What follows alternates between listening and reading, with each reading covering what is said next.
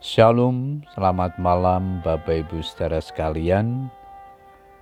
Kita bersyukur kepada Tuhan, hari ini kita boleh beribadah di gereja kita, bahkan boleh menikmati kebersamaan dengan keluarga kita.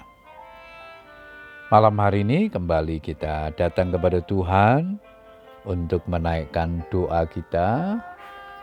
Namun sebelum berdoa, saya akan membagikan firman Tuhan yang malam ini diberikan tema Rancangan Besar Tuhan. Ayat mas kita di dalam pengkhotbah 3 ayat yang ke-11, Ia membuat segala sesuatu indah pada waktunya. Hidup itu penuh dengan kemalangan, Demikian kata-kata pahit yang keluar dari mulut seorang janda bernama Naomi. Rut pasal 1 ayat 1 sampai 21.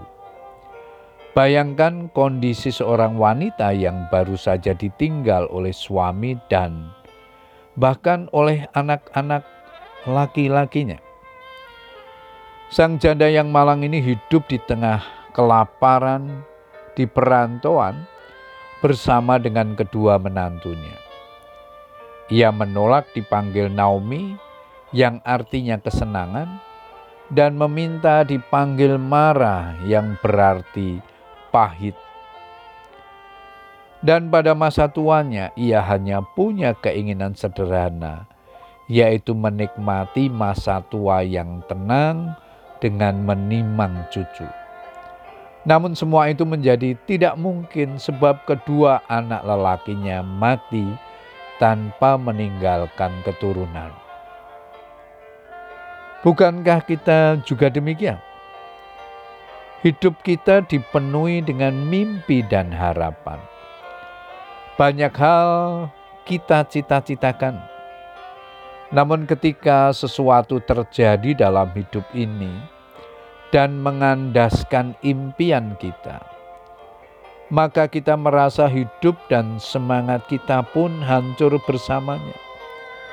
Dalam kondisi demikian, kita pun semakin sulit memahami bahwa Tuhan pasti memiliki rancangan yang baik, bahwa Dia memiliki mimpi bagi hidup kita, dan pasti menjadikan segala sesuatu baik pada waktunya. Kita tahu cerita Naomi ini adalah kisah yang berakhir dengan kebahagiaan. Pada akhirnya Alkitab menulis bahwa Naomi memangku cucunya dengan gembira pada hari tuanya. Rut pasal 4 ayat 16. Dan bukan hanya itu, mimpi Allah bagi dirinya juga terwujud karena pada akhirnya Naomi mengenal bahwa Allah itu memelihara hidupnya. Hari ini, jika kita menilik lagi mimpi kita yang mungkin kandas dan seolah tidak ada harapan, lihatlah rancangan besar Tuhan. Dia selalu ada dan memelihara kita dengan sempurna Tuhan akan menolong dan menyertai kita untuk mewujudkan mimpi dan harapan kita. Puji Tuhan Bapak Ibu Saudara sekalian, biarlah kebenaran firman Tuhan ini menolong kita untuk terus memiliki pengharapan di dalam Dia sebab Tuhan tidak pernah mengecewakan dia akan mewujudkan rancangan besarnya bagi kehidupan kita. Selamat berdoa dengan keluarga kita. Tetap semangat berdoa. Tuhan Yesus memberkati. Amin.